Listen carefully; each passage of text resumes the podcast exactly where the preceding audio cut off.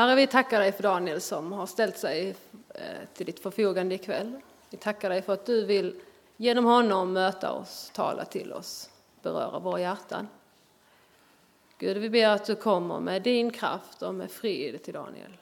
Kom med din heliga Ande. Gör honom frimodig och stark. Gud, låt dina ord få tala genom Daniels mun. Välsigna den här stunden. Hjälp oss att fokusera på dig nu, Gud. I Jesu namn. Amen. Amen.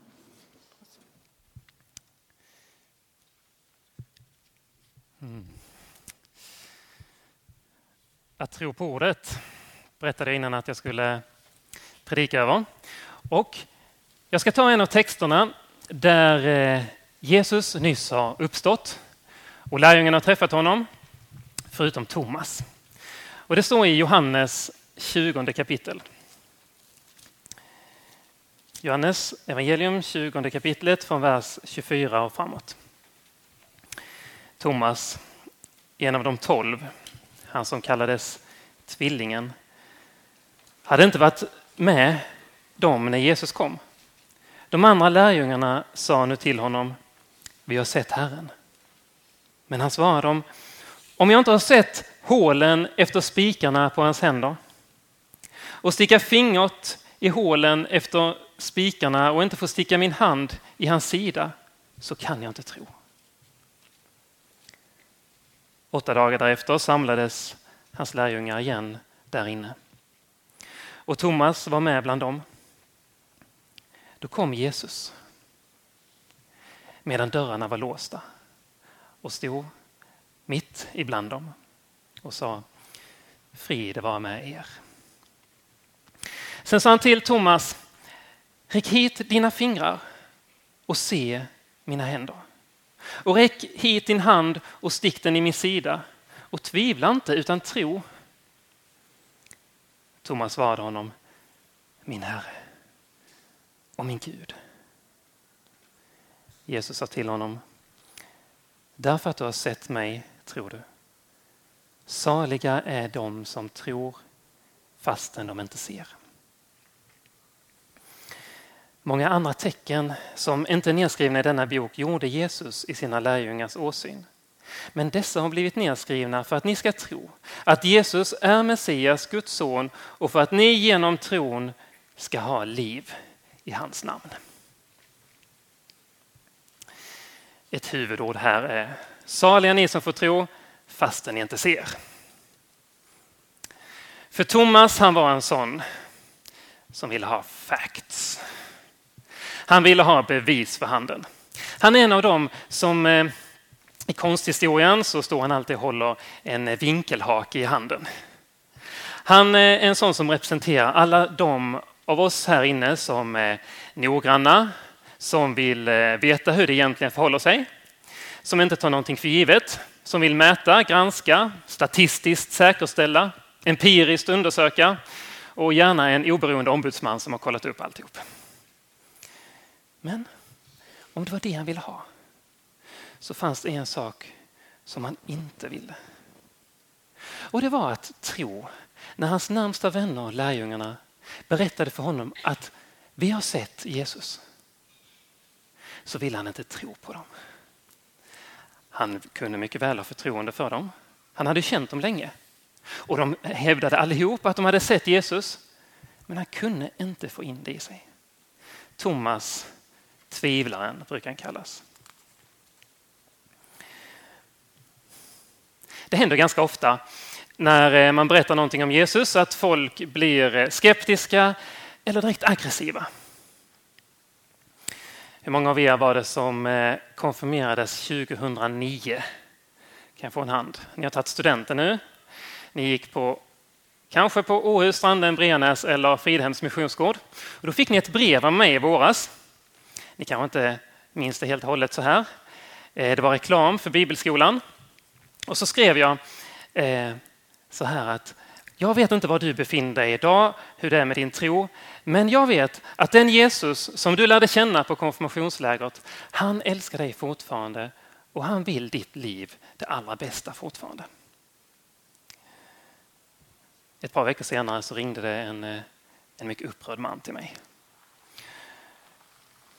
Jag tycker, jag tycker ofta det är ganska intressant så här att eh, en kille som precis har fyllt 18, han eh, får lov att rösta, han får lov att skriva under avtal, han får lov att gå på systemet, han är liksom myndig och alltihop. Men när det gäller att man ska ringa ett litet samtal, då skickar man pappa till att ringa. Men så kan det vara. Och den här pappan, han var så upprörd. Han försökte att liksom tala väldigt tydligt så att jag skulle förstå.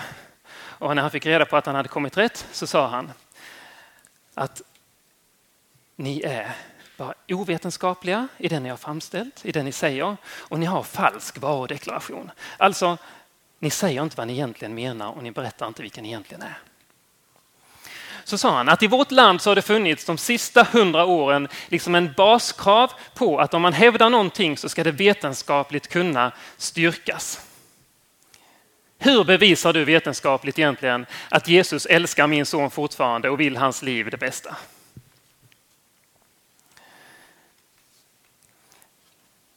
Det är i de stunderna som man funderar på eh, det är nu jag ska komma med alla de bra formuleringarna och så kommer de inte. Men så började jag säga att jag tror att mycket mer och mer förklaras av vetenskap. Men det finns fortfarande saker i den verklighet som vi lever i som vetenskapen ännu inte har kartlagt och kan förklara. Och det är en uppfattning som jag delar med de allra flesta människor i denna världen. Att en del saker får vi lov att bara ta emot i tro.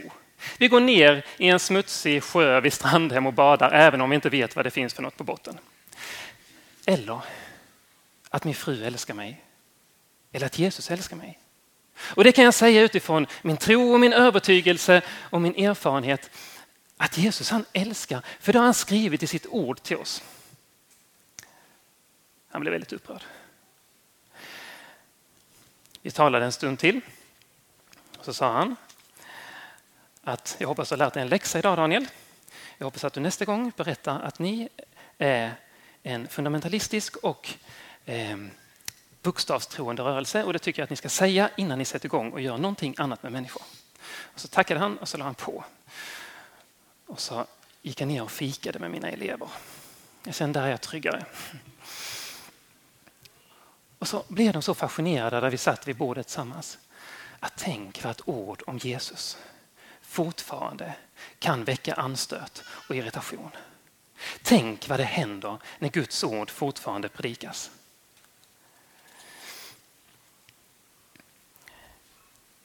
Jag tänker att Thomas där, när han fick höra de andra lärjungarna säga att vi har sett Jesus uppstå, så borde han ju ha litat på dem.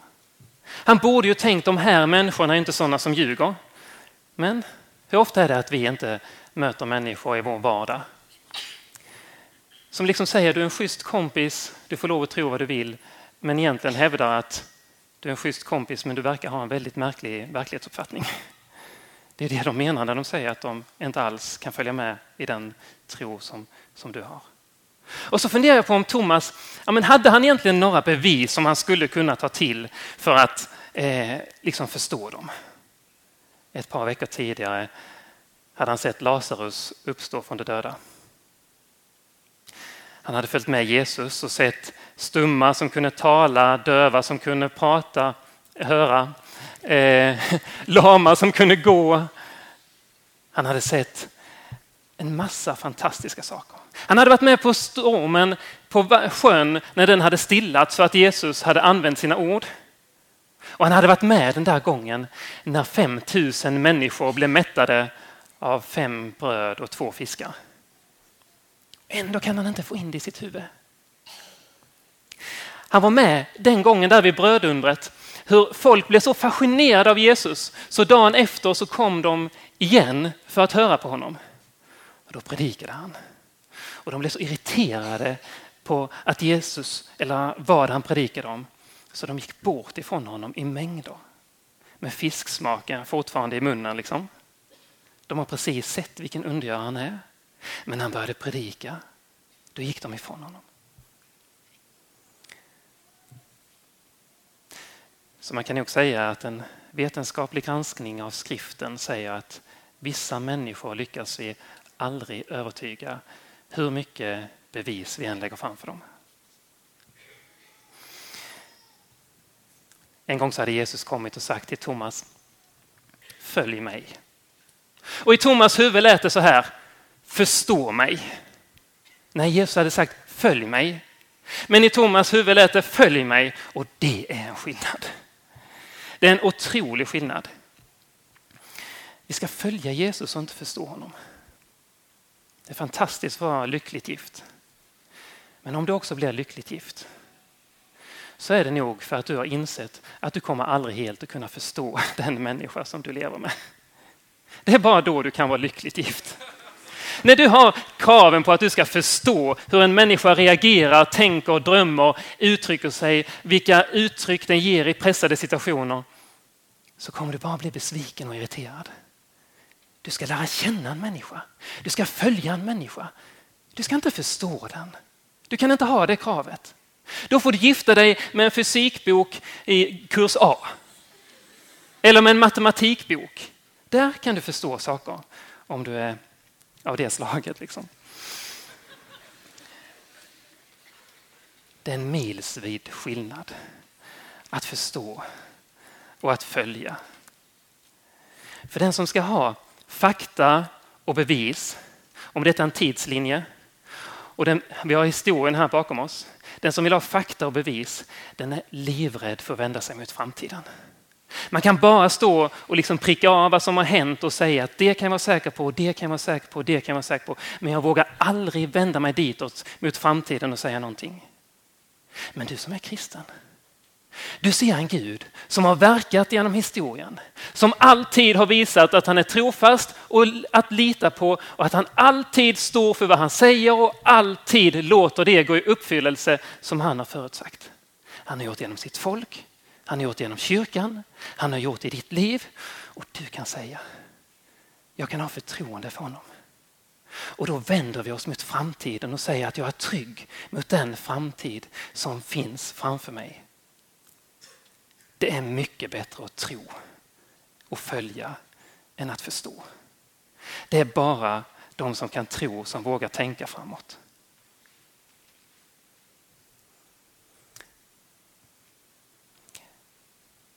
Men Thomas han står där och tittar.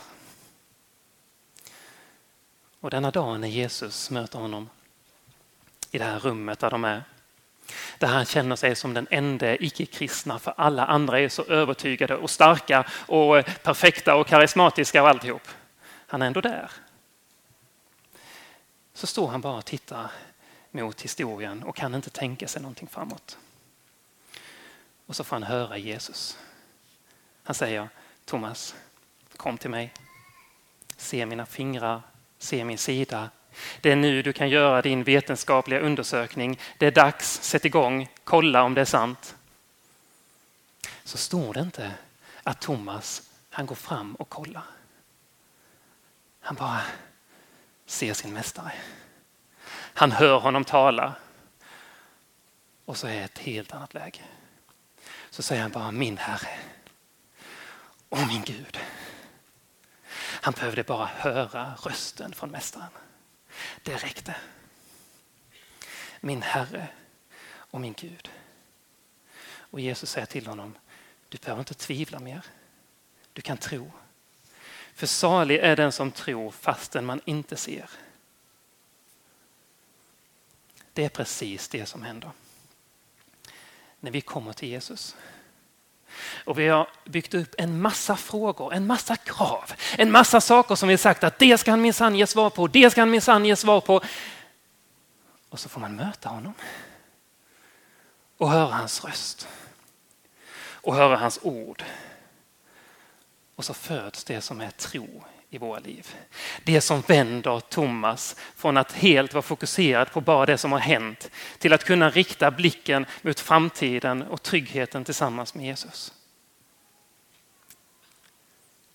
Det är bara där när man hör en människas röst och en människas ord som man egentligen kan känna sig trygg. Om du åker tåg fyra timmar och du har någon sittande bredvid dig och du kan liksom känna hur den luktar och du vet att den är där Men du vet ingenting om denna människan så länge ni inte börjar prata. Eller om du har en god vän som säger till dig, jag tycker du är en fantastisk vän. Men jag skiter i vad du säger. Och jag har inte någonting att säga dig egentligen i gensvar. Du känner dig inte speciellt trygg med den människan framöver. Det blir inte någon vänskap där. För ord och kommunikation det är förutsättningen för att det ska uppstå någon trygghet mellan oss. Och Gud, han är den kommunikationen. Han är den som är fantastisk på detta. När vi läser i Johannes evangelium, det första kapitlet, så står det i de allra första orden att i begynnelsen var ordet och ordet var hos Gud och ordet var Gud. Det fanns alltså ett ord, det har någon form av eh, väsen här alltså. Detta ordet, det var hos Gud och det var Gud. Och det fanns före allting annat. Och så är det lite kryptiskt. Så kommer man till vers 14. Och ordet blev kött och bodde bland oss och vi såg hans härlighet, en härlighet som den enfödde har av Fadern. Och han var full av nåd och sanning. Han som fanns före all begynnelse, som var detta ord. Han blev kött, han blev människa. Och han var Guds son, den enfödde. Och människor lärde känna honom. De förstod att han kunde förklara någonting.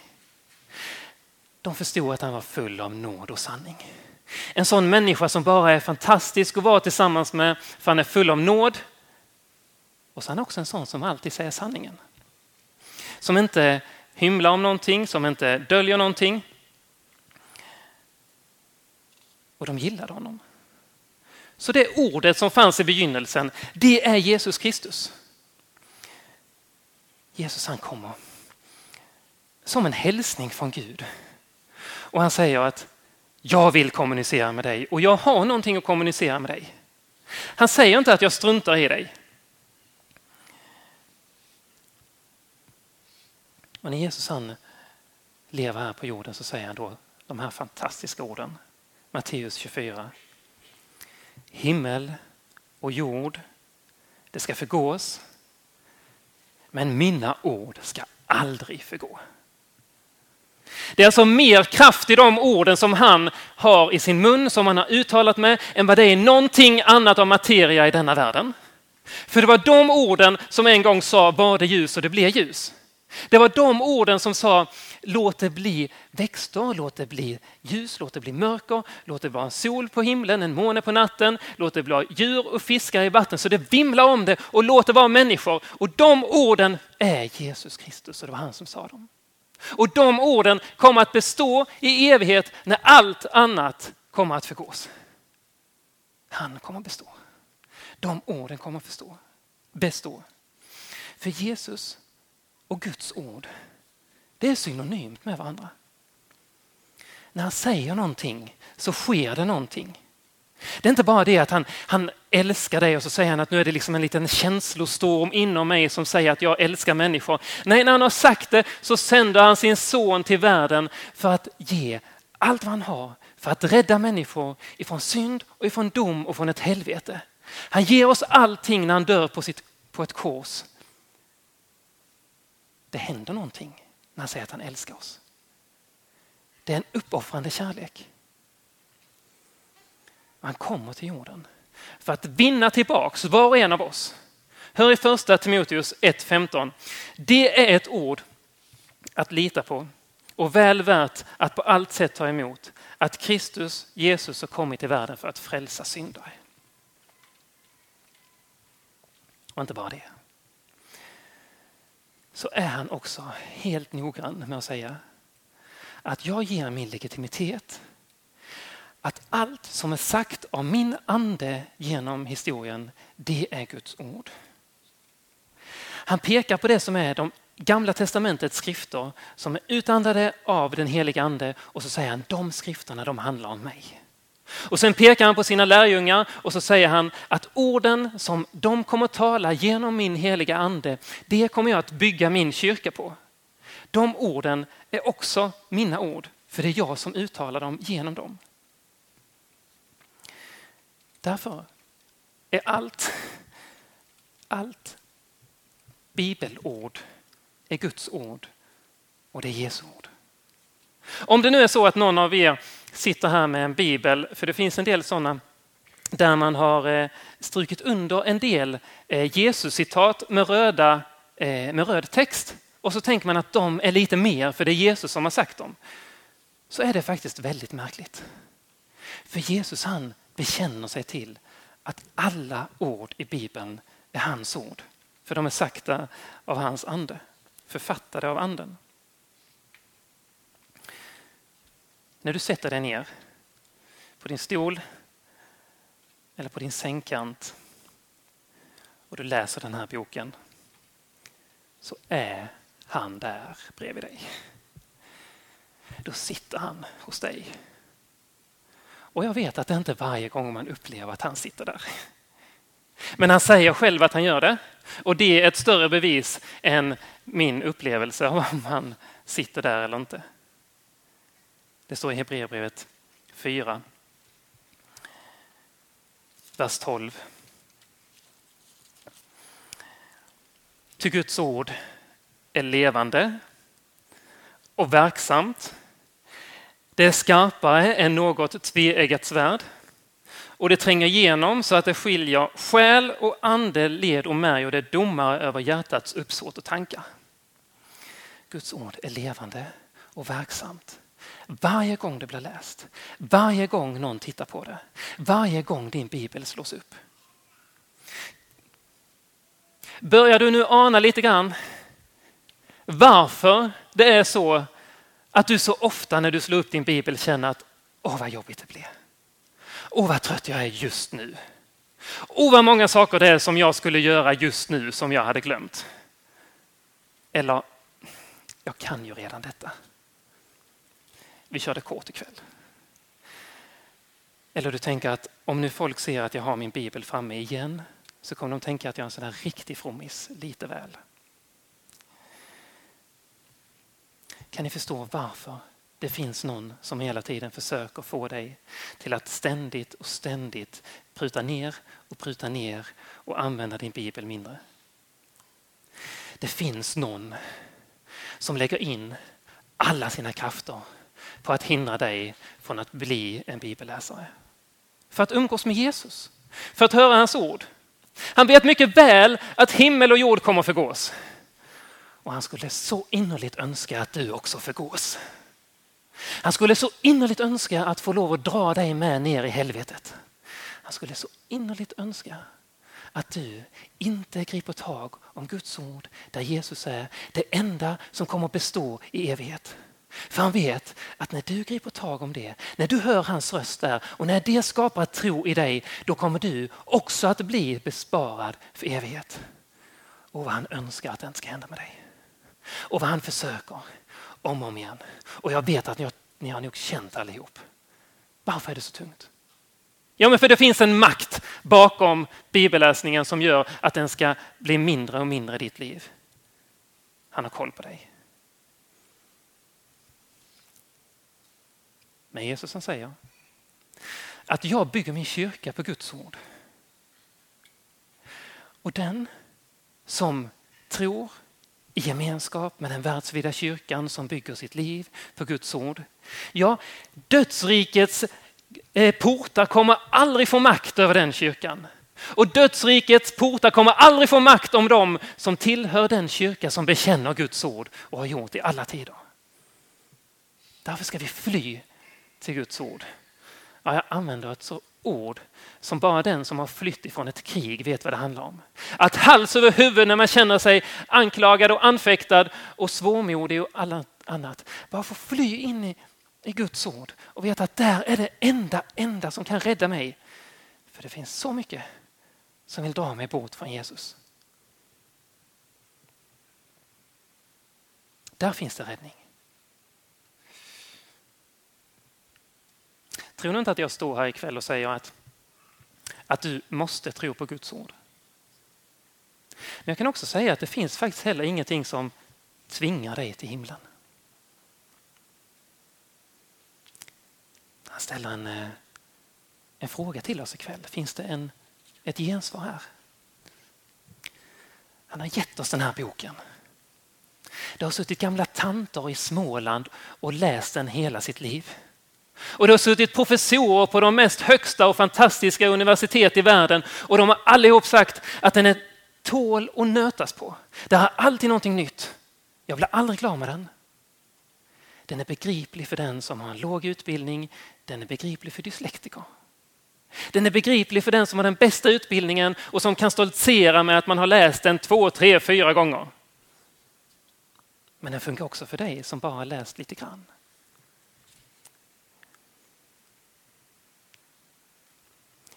Det finns, eh,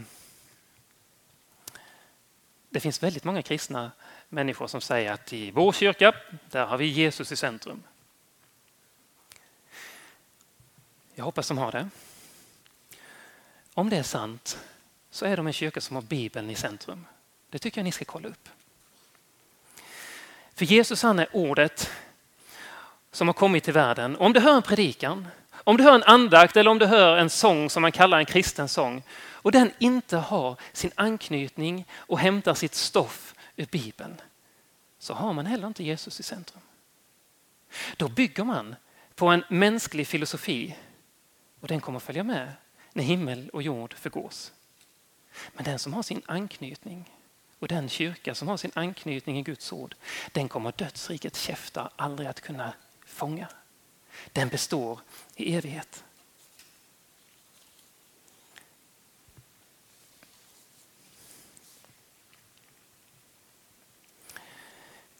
Ibland säger vi så här. Alltså jag, jag skulle bara behöva få uppleva någonting mer.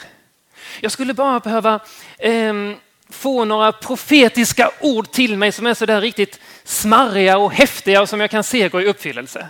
Jag skulle behöva se några under, några tecken och någonting så där riktigt gripande. Och jag har tänkt så själv också. Och så har jag lagt märke till att när jag får träffa bibelläsande människor så brukar de inte hålla på och kräva det. Men bibelläsande människor som hållit på att nöta på denna boken, de säger det är så fantastiskt att jag får lov att ha Jesus min vän och hans ord. Tillgång till det varje dag. Han öppnar himmelens skatter för mig om och om igen. Här är någonting mycket mer. Något mycket bättre än de stora upplevelserna. Gud talar genom sitt ord. Ni börjar förstå poängen nu va? Jag börjar få in det. Jag uppmanar er till att läsa den. Hoppas ni har förstått det också. Då fortsätter vi. När, eh, när Paulus eh, hade varit i församlingen i Efesus. De hade haft en god tid tillsammans och så skulle han eh, resa vidare. Så säger han så här. Nu överlämnar jag er åt Gud och hans nåderika ord. Jag tänker att ibland när det har varit så där att den stora predikanten ska resa vidare så kommer all den här sentim, sentimentaliteten, känslosamheten över oss. Och, och, och, så säger vi nu, nu blir det så där tomt. Lovsångerna tystnar. Den där människan som gör att det blir en andlig stämning är inte här längre. Och nu så är jag inte i gemenskapen och jag blir inte matad.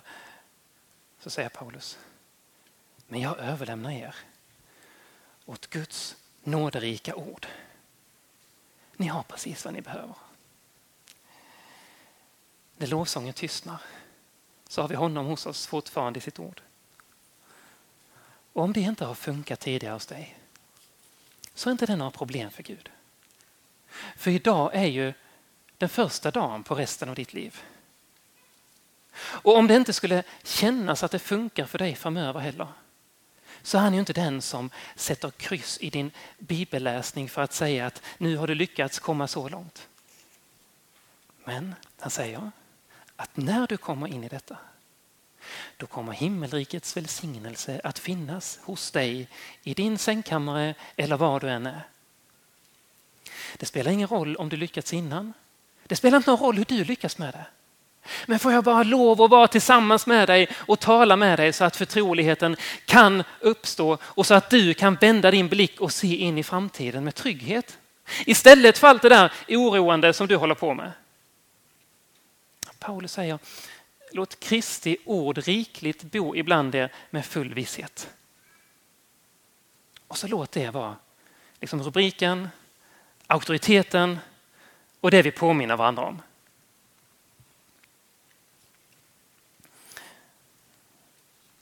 Kristna har varit väldigt uppfinningsrika genom historien. Man har försökt hitta de olika, det ena beviset efter det andra på att man äntligen liksom ska kunna försvara att den kristna tron är äkta. Så har man hittat små eh, flisor från Noaks ark och från Kristi kors och från olika arkeologiska utgrävningar. Och så har man känt yes, nu vet jag att det stämmer. Och så har någon sagt, men det fanns fler båtar på den tiden. Kanske är det från den. Eller så har man byggt upp tryggheten och så har man sagt att kristendomen är ändå den största religionen i världen. Vi är fler än muslimerna och Svenska kyrkan är största samfundet eller något. Och så har man sagt skönt, då måste det ju stämma. Så många människor kan ju inte ha fel. Och så helt plötsligt har man sett, men jag är ju den enda i klassen som tror på detta. Och så blir det så jobbigt igen. Eller så har man börjat läsa på och så har man hittat att i den där evolutionsteorin så finns det faktiskt en del obesvarade frågor. Den är faktiskt inte helt vattentät. Det går inte att bevisa den. Och så säger någon till oss, men hur bevisar du då att Gud finns?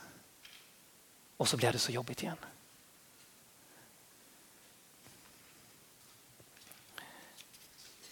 Men nu är det, tror vi på flisor från Noaks ark? Eller tror vi på Jesus? Vi grundar oss inte på att vi tillhör den största religionen eller den mest framgångsrika. För han som vi tror på, han var inte framgångsrik den dagen han hängde på korset. Det såg ut som att allting var förlorat den dagen han hängde på korset. Men egentligen höll han på att vinna den största seger som någonsin har vunnits på denna världen. Vi grundar inte vår tro på att det finns några forskningsresultat som också kommer förgås den dagen när himmel och jord förgås. Men vi tror på Guds ord som är evigt och som kommer bestå i evighet. Det är det vi grundar vår tro på. Vet ni att i himlen så kommer vi läsa Bibeln? För den kommer bestå i evighet. Tänk när vi ska få lov att sätta oss där och sluppa apostlagärningarna och så ska vi ha bibelstudie med Paulus och så ska han få berätta för oss hur var det där i stormen, hur var det när du piskades, hur var det egentligen när ormen bet dig i fingret, den livsfarliga ormen, men du skakade av den så den föll i elden. Du kommer få fortsätta med den i evighet. Det kommer att finnas en liten bokrulle där står det. Och vi får lov att börja läsa himmelens bok redan nu. Det är gott att få bygga sitt liv på det som består. Det är väl värt att bygga sitt liv på det. För det florerar väldigt mycket lögn.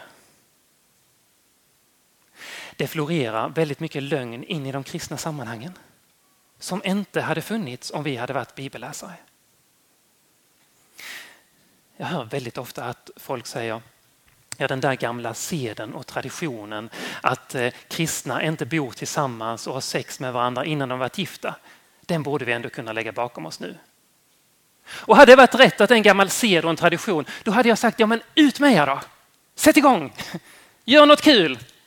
Gissa vad? Och försök att inte vara så där annorlunda som ni nu är mot alla andra människor. Men i Guds ord, uppenbarat från evighet till evighet, där står det, vi ska inte begå äktenskapsbrott. Vi ska inte begå otukt som innebär all sexualitet utanför äktenskapets gränser. Även om man är överens om det och tänker vi ska ändå bara gifta oss om ett halvår.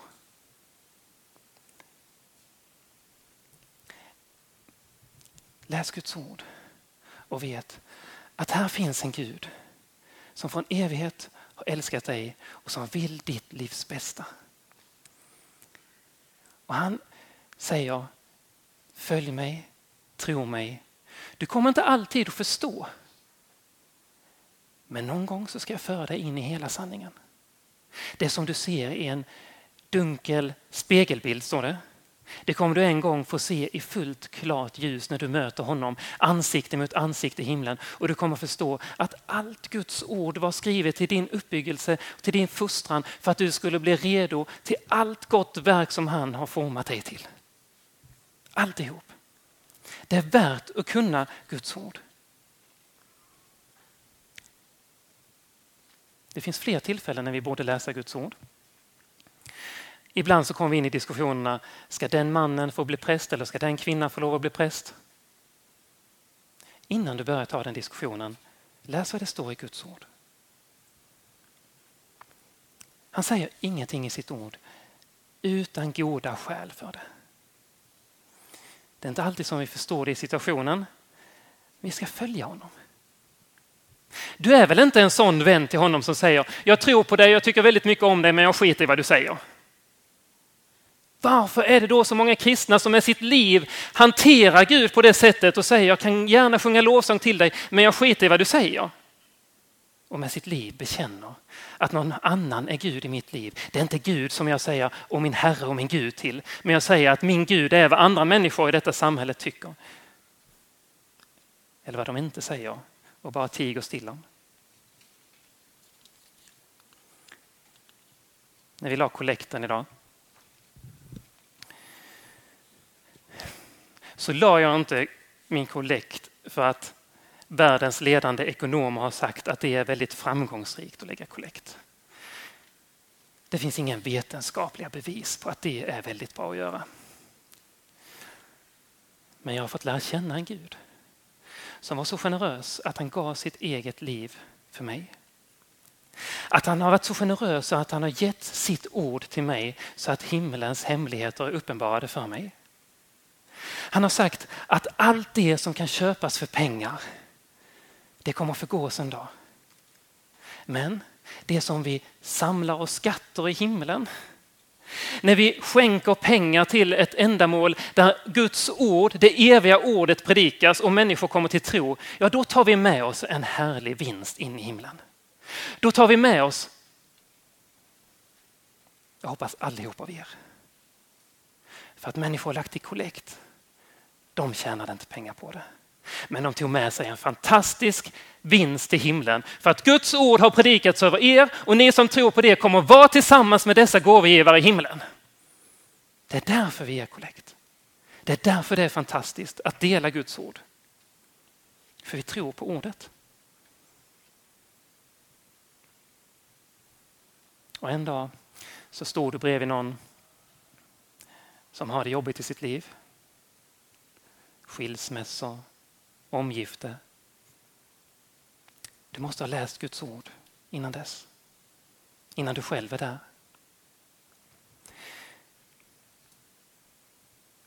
Vet ni vad?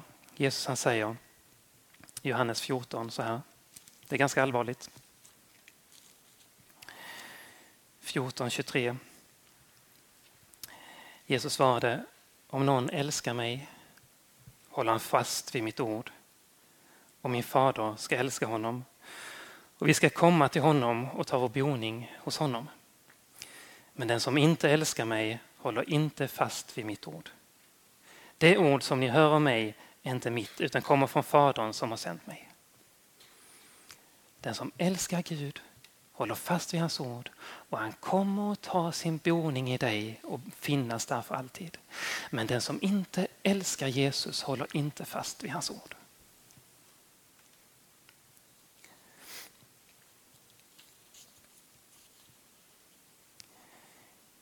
För Jesus han säger att var och en som tror på mig, han ska bli frälst. Och han ska bli frälst till himlen. Men han ska också bli frälst och räddad ifrån mängder av lögner som florerar i vår tid och in i vår gemenskap också här. Han vill frälsa dig och upplysa dig om sanningen som finns i hans ord så att du kan leva ett liv fullt ut tillsammans med honom.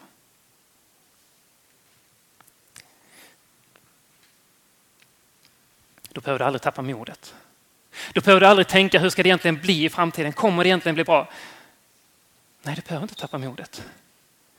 För det finns ingen då som kan lura dig längre när du har din förankring i Guds ord.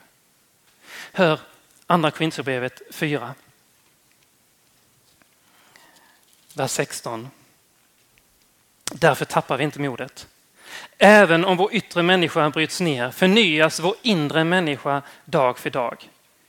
Till vår nöd, som bara ett ögonblick och väger lätt, bereder åt oss ett, ett oändligt rikt sätt, en härlighet som väger tungt och varar i evighet. Vi riktar inte blicken mot det synliga utan mot det osynliga. Ty det som är synligt är förgängligt, men det osynliga, det är evigt. Tänk om man skulle se sådana här ord i era Facebook-uppdateringar. Där man lägger ut bilderna på att nu har jag sett en fantastisk solnedgång. Nu så har jag bakat den här jättesöta, lite fina kakan. Och nu så har jag träffat den här kändisen. Tänk om du någon gång som kristen in i Facebook eller Instagram skulle föra in evighetens ord som kommer att bestå och som kan rädda andra människors liv för evigheten. Det hade varit häftigt. Om vi kan använda den här världens alla kommunikationsmöjligheter som vi har till att förkunna att det finns något evigt för alla som flippar förbi det som hela tiden känns gammalt. För det kommer hela tiden nytt.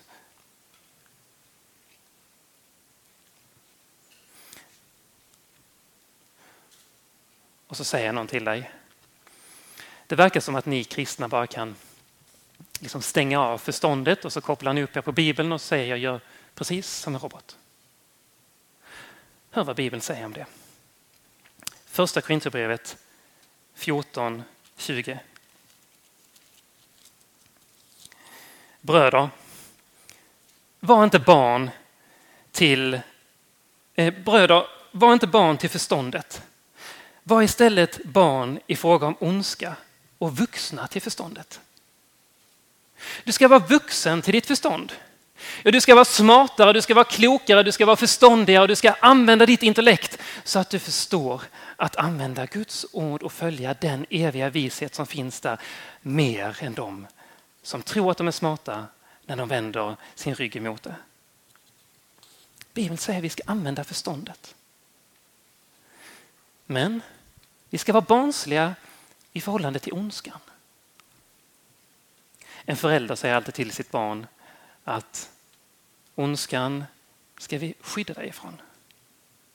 Och alla de filmer, tv-spel eh, och underhållning som handlar om ondska, om otukt, om girighet, om mord och fåfänglighet. Ja, men det säger föräldern till barnet, du ska inte titta på det. Vi sätter gränsen här. Och är du nu så att det i din fritid liksom fyller 20-30 procent av din fritid som bara går till att se det som är ondska i film och tv och dataspel och underhållning. Eller kanske till och med fyller hälften av all din fritid. För du sitter där kväll efter kväll. Då är det dags för dig att säga att nu ska jag vara vuxen och jag ska stänga av detta. För han har gett dig den kapaciteten i ditt liv till att kunna bestämma det. Och han har gett dig en sån potential som innebär att du kan, du kan göra så mycket mer med ditt liv. Du kan tjäna så mycket mer. Du kan få uppleva så mycket mer och du kan träna ditt liv till att vara rustat i hans kamp genom Bibeln så mycket mer än vad du har en aning om. Och vi som tror att vi måste göra spännande saker med våra liv, du ska bara veta att ett liv med Bibelns utmaningar, det är spännande. Unga killar, jag funderar ibland på vad är det som liksom triggar oss? Vi ska göra den ena upplevelsen efter den andra. Vi ska på den ena resan efter den andra. Det är för att vi är svältfödda på utmaningen som finns i Bibeln. Då behöver man inte hoppa från 300 meter syd eller vad det kan vara för någonting. För det finns mycket större utmaningar för dig, speciellt ni unga killar att ta tag i. Så mycket mer. Så mycket mer. Han har gett dig en sån potential och han vill förklara hur det ska fungera för dig. Och jag tänker att väldigt många av oss, vi tänker vi är bra på vissa saker och vi är dåliga på vissa saker, men i snitt så är vi ganska enkla och vanliga människor. Hur många kan känna så ibland att jag är en ganska enkel människa? Några. Vet ni? Psalm 19.8. Herrens undervisning är fullkomlig. Den ger själen nytt liv. Herrens vittnesbörd är sant. Den gör enkla människor visa. Det är fantastiskt att få vara en enkel medelmåtta utan några stora bragder här i livet, men som har fått ta del av Guds ords undervisning och han gör mig vis. Det är inte de höga betygen, det är inte den stora karriären, men han gör oss visa till att förstå och avslöja vad som är sant och vad som är falskt. Och människor kommer vilja lyssna på dig snart, för du är utrustad med himmelsk vishet. Det kommer flytta dig in i en helt ny förtrolighet med Herren. När han talar till dig så kommer han ge dig en frid, en trygghet. Han kommer ge dig någonting som denna världen aldrig någonsin kan ge. Du kommer få sundare prioriteringar och du kommer blomma ut i din fulla potential.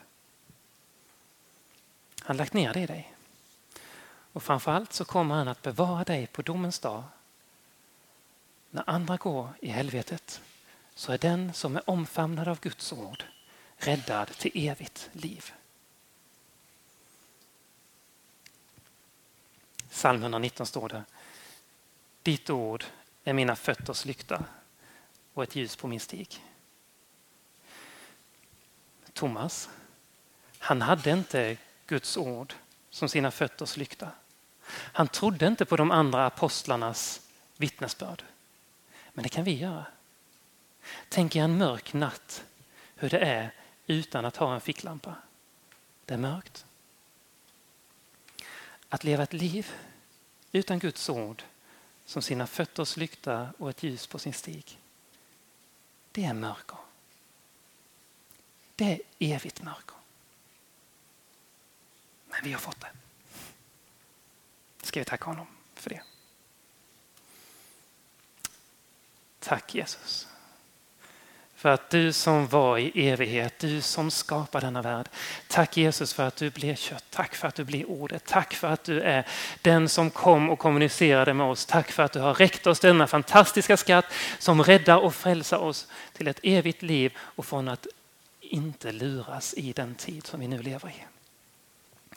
Vi tackar dig för att vi ska få lov att läsa detta ord från och med nu och i all evighet tillsammans med dig i himlen. Och jag ber Jesus att du nu talar här inne till var och en så att ditt ord får göra sin verkan och skapa den levande tro så att vi blir räddade för evigheten. Och jag ber Jesus att om här är någon som sover så knackar du på hans hjärta. Vi ber Jesus för kommande samtal, vi ber för kommande förbönsstationer här. Och vi ber Jesus att du griper om oss. Vi ärar och prisar dig i evighet Jesus. Vi ärar och prisar dig för att vi har den starkaste kraften som kan finnas i denna världen. Långt mer än någon sak som vi själva skulle kunna tänka ut skulle kunna överbevisa oss. Långt mer överbevisande har vi det när vi får höra din röst. Tack Jesus. Amen.